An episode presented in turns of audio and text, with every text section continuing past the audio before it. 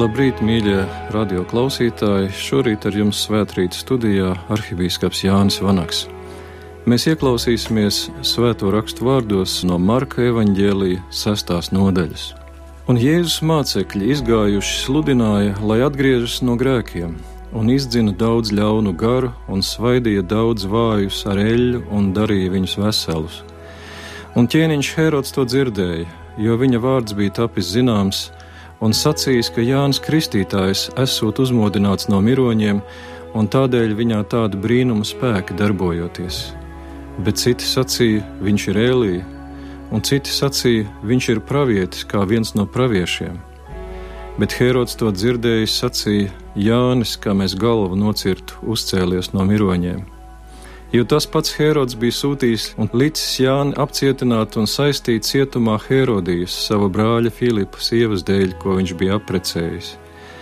Bet Jānis Herodam bija sacījis: Tev neklājas, ka tev ir tava brāļa sieva, un Herodija viņu ienīdēja un gribēja nokaut, bet nevarēja. Jo Herods Jāni bija zinādams viņu esam taisnu un svētu vīru, sargāja un viņu dzirdēdams tas bieži kļuva domīgs un tomēr labprāt viņu klausījās. Un gadījās izdevīga diena, kad Herods savā dzimšanas dienā saviem lielkungiem un virsniekiem un augstākiem vīriem Galilejā rīkoja dzīves. Un Herodijas meita ienākusi dejoja, un labi patika Herodam un tiem, kas līdz pie galda sēdēja. Tad ķēniņš sacīja meitenei: Lūdzu no manis, ko gribēdam, es tev to došu un viņš tai zvērēja, ko tu no manis lūgsi, to es tev došu, līdz pat pusē no manas valsts. Bet viņa ārā izgājusi, sacīja savai mātei, ko lai es lūdzu, bet tā sacīja Jāņa Kristītāja galvu. Un tūdaļ viņa gāja steigšus iekšā pie ķēniņa, lūdza un sacīja: Es gribu, ka tu man tūlīt dod bļodā Jāņa Kristītāja galvu.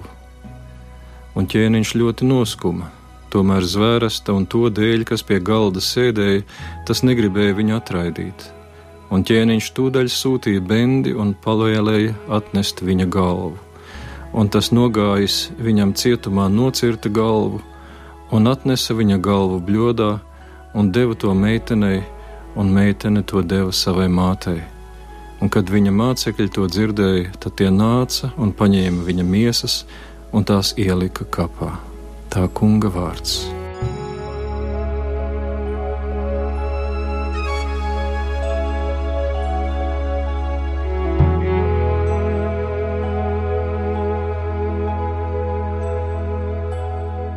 Dievs, Kungs, Svētais Gars nāca un apgaismo savu ticīgo sirdis, iededz tajās savas mīlestības uguni un svētī mūsu tavu vārdu patiesībā, kas ir mūžīga patiesība. Āmen!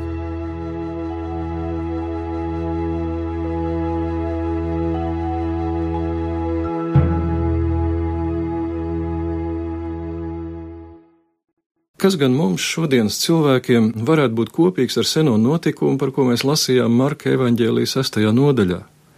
Kādā ziņā mēs esam līdzīgi Jānim Kristītājam, kas dzīvoja tuksnesī un pārtika no siseņiem? Tā mēs varētu iebilst, un taisnība.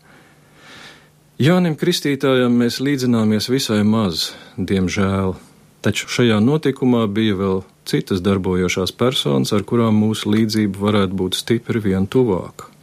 Piemēram, tur kāds vīrs svin dzimšanas dienu. Mēs katrs savu reizi svinam dzimšanas dienu, vai kādu gada dienu, vai kādus citus svētkus, un nav svarīgi, ka šeit jubilārs ir ķēniņš. Svarīgi ir tas, ka viņam nāk līdzi viņa pagātne. Herods Antipa nebija tas Herods, kas pēc Jēzus dzimšanas lika apkaut Bētlems bērnus. Šis Herods bija viņa pēcnācējs, bet viņš pats bija šķīries no savas likumīgās sievas un aprecējis Herodiju, savu brāļa sievu, kam viņš to bija atņēmis. Nu, un kad cilvēks kaut ko tādu izdara, tas kļūst viņa dzīves fons. Tas uzspiež zīmogu visam, ko viņš dara un kas ar viņu notiek. Kad Herods no rīta cēlās, viņš cēlās kā tāds, kas dzīvo ar savu brāļa sievu. Kad viņš dzēra brokastu kafiju, viņš to darīja kā tāds, kas atņēmis savam brālim sievu. Kad viņš devās uz darbu, viņš gāja kā tāds, kas dzīvo ar brāļa sievu. Kad viņš vakarā izveda pastaigāties suni, viņš gāja kā tāds, kas dzīvo ar brāļa sievu. Un lai ko viņš darītu, lai kur viņš būtu, visur viņš bija tas, kas dzīvo ar savu brāļu sievu. Astronomi saka, ka visumā ir melnie caurumi, tiesot milzīgi smagi. Izrādās, ka šie melnie caurumi izliec telpu, līdzīgi kā uz nostiepta palaga uzlikts smagums. Tad viss, kas vien atrodas uz palaga, sāk ripot un slīdēt šī smaguma virzienā. Mūsu galaktikas, jeb piena ceļa centrā, ir tāds melnais caurums ar milzīgu lielu masu. Tas ik brīdi ietekmē gan saules, gan zemes kustību. Grēks arī ir tāds melnais caurums. Jo smagāks tas ir, jo vairāk tas izliec, izkropļo dzīves telpu un jo vairāk ietekmē visu tajā notiekošo. Kad Herods rīkoja savas dzimšanas dienas viesības, viņš taču neplānoja nokaut Jāni Kristītāju, lai izklaidētu savus viesus. Gluži otrādi, viņš Jāni augstu cienīja un labprāt viņā klausījās. Ķēniņš bija savā dzīvē galīgi sapinies starp pienākumiem un vēlmēm, bet Jāņa Kristītāja balss vēl lika trīsēt labākajām stīgām viņa dvēselē, tā lika viņam just ilgas pēc labā un svētā, kas cilvēku dara patiesi laimīgu. Taču tad viņam nāktos atteikties no Herodijas, un to nu viņa negribēja pieļaut. Nē, viņa pie sava ieguvuma turēsies kaut zobiem un nagiem. Viņai vajadzēja par katru cenu apklusināt pravieša balsi Heroda ausīs. Tā nu Herods vienkārši gribēja ar draugiem nosvinēt dzimšanas dienu, viņam nebija nenojauts, ar ko tas beigsies, taču viņš svinēja kā tāds kas dzīvo ar savu brāļa sievu, un šī grēka klātbūtne viņa dzīvē, parastām, jautrām viesībām, lika izvērsties par traģēdiju. Viņam nācās pavēlēt nonāvēt to, kuru viņš visaugstāk cienīja. To viņam naivi palūdza izdarīt meitene, kas viņam bija viesībās iepatikusies, un kurai viņš gribēja izdarīt kaut ko labu. Un pat tas vēl nebija viss. Jūdu vēsturnieks Jozefs Flāvijs ziņo, ka Heroda pamestās sievas tēvs, nabatiešu ķēniņš Arēta, sašuts par tādu meitas pazemojumu, devās karā pret Herodu. Gāja bojā gandrīz visa Heroda armija. Tik daudzās mājās ienāca bēdas un posts tādēļ, ka viņu ķēniņš dzīvoja ar savu brāļa sievu. Ja mēs kādreiz tā brīnāmies, kā varēja notikt tā, ka lietas iziet greizi, kā mēs nemaz nebijām domājuši. Atcerēsimies, ka līdzīgi notika Herodam, un padomāsim, vai nesam viņā kādā ziņā līdzīgi. Vai arī mums viss nenogāja greizi tādēļ, ka mūsu dzīves telpu greizu padara kāds melnais caurums.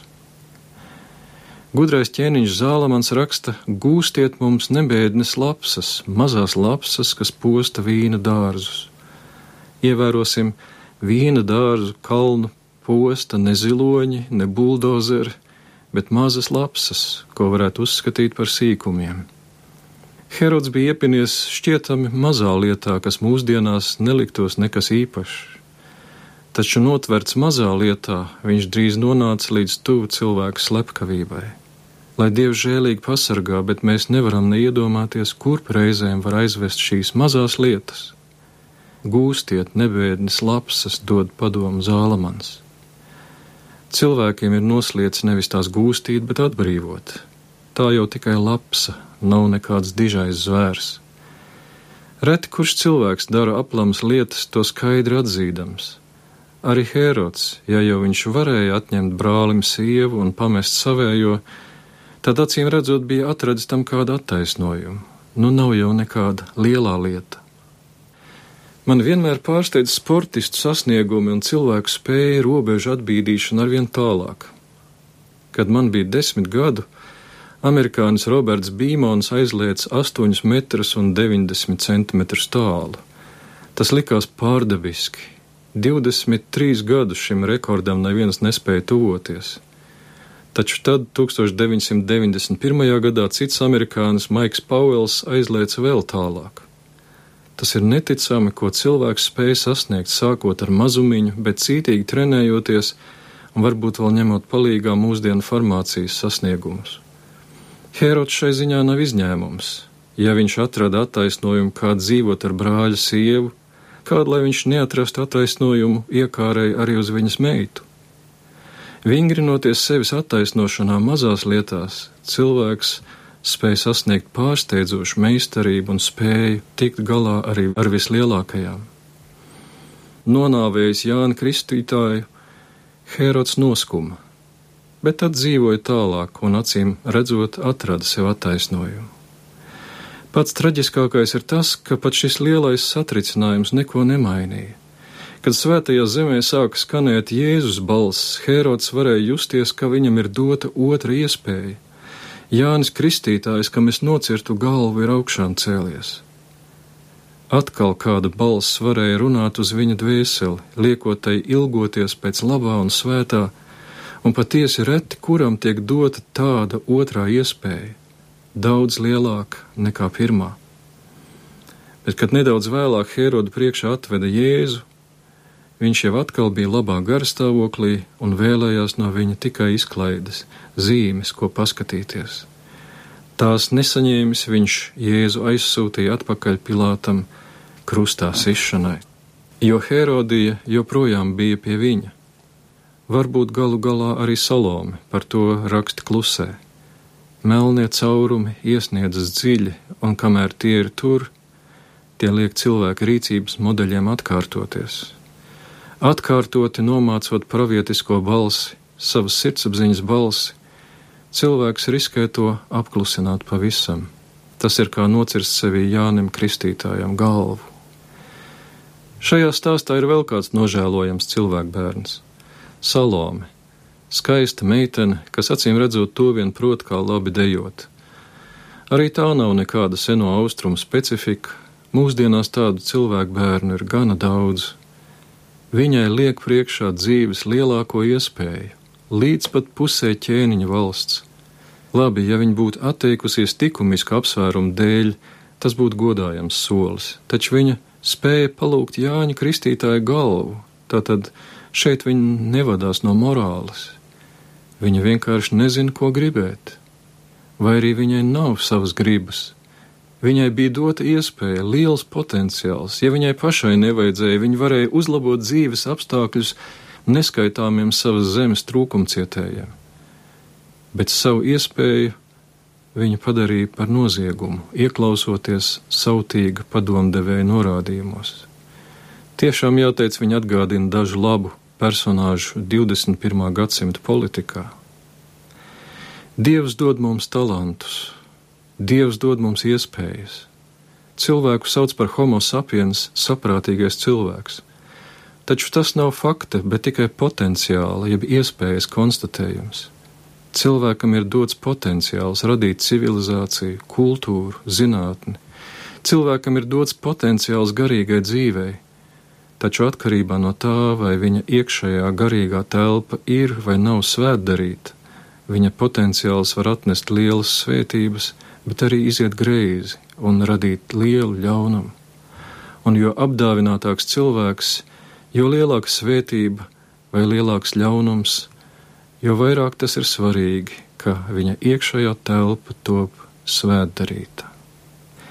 Ko tad, ja mēs ielūkojamies šodienas evaņģēlijas pogulī, un ieraugām sevi uztraucoši līdzīgus Herodam, vai Herodijai, vai Salomei, vai visiem trim reizē.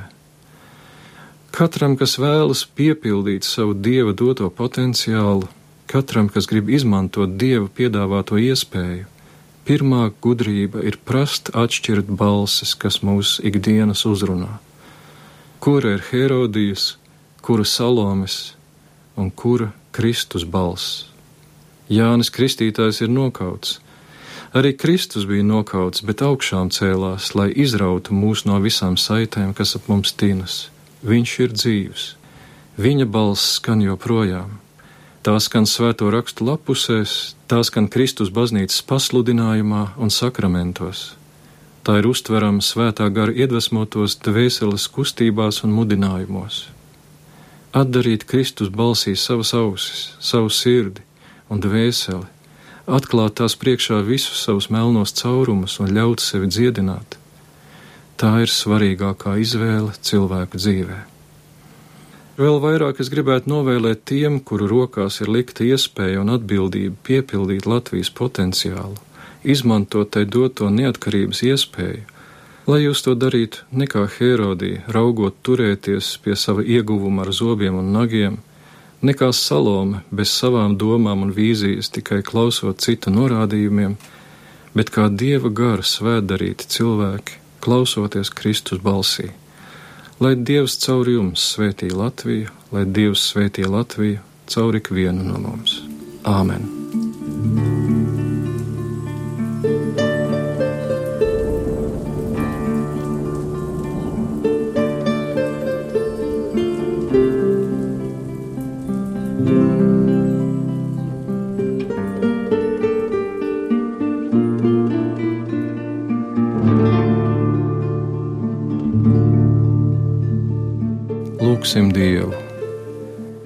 Ņem kungs un saņem visu manu brīvību, visu manu atmiņu, visu manu saprašanu, visu manu gribu, visu, kas man ir un man pieder. Tu visu devi man, kungs, es dodu to atpakaļ. Nu viss ir tavs. Dari ar to, ko gribi. Man dod tikai mīlestību uz tevi, līdz ar savu žēlastību man ar to pietiek. Āmen!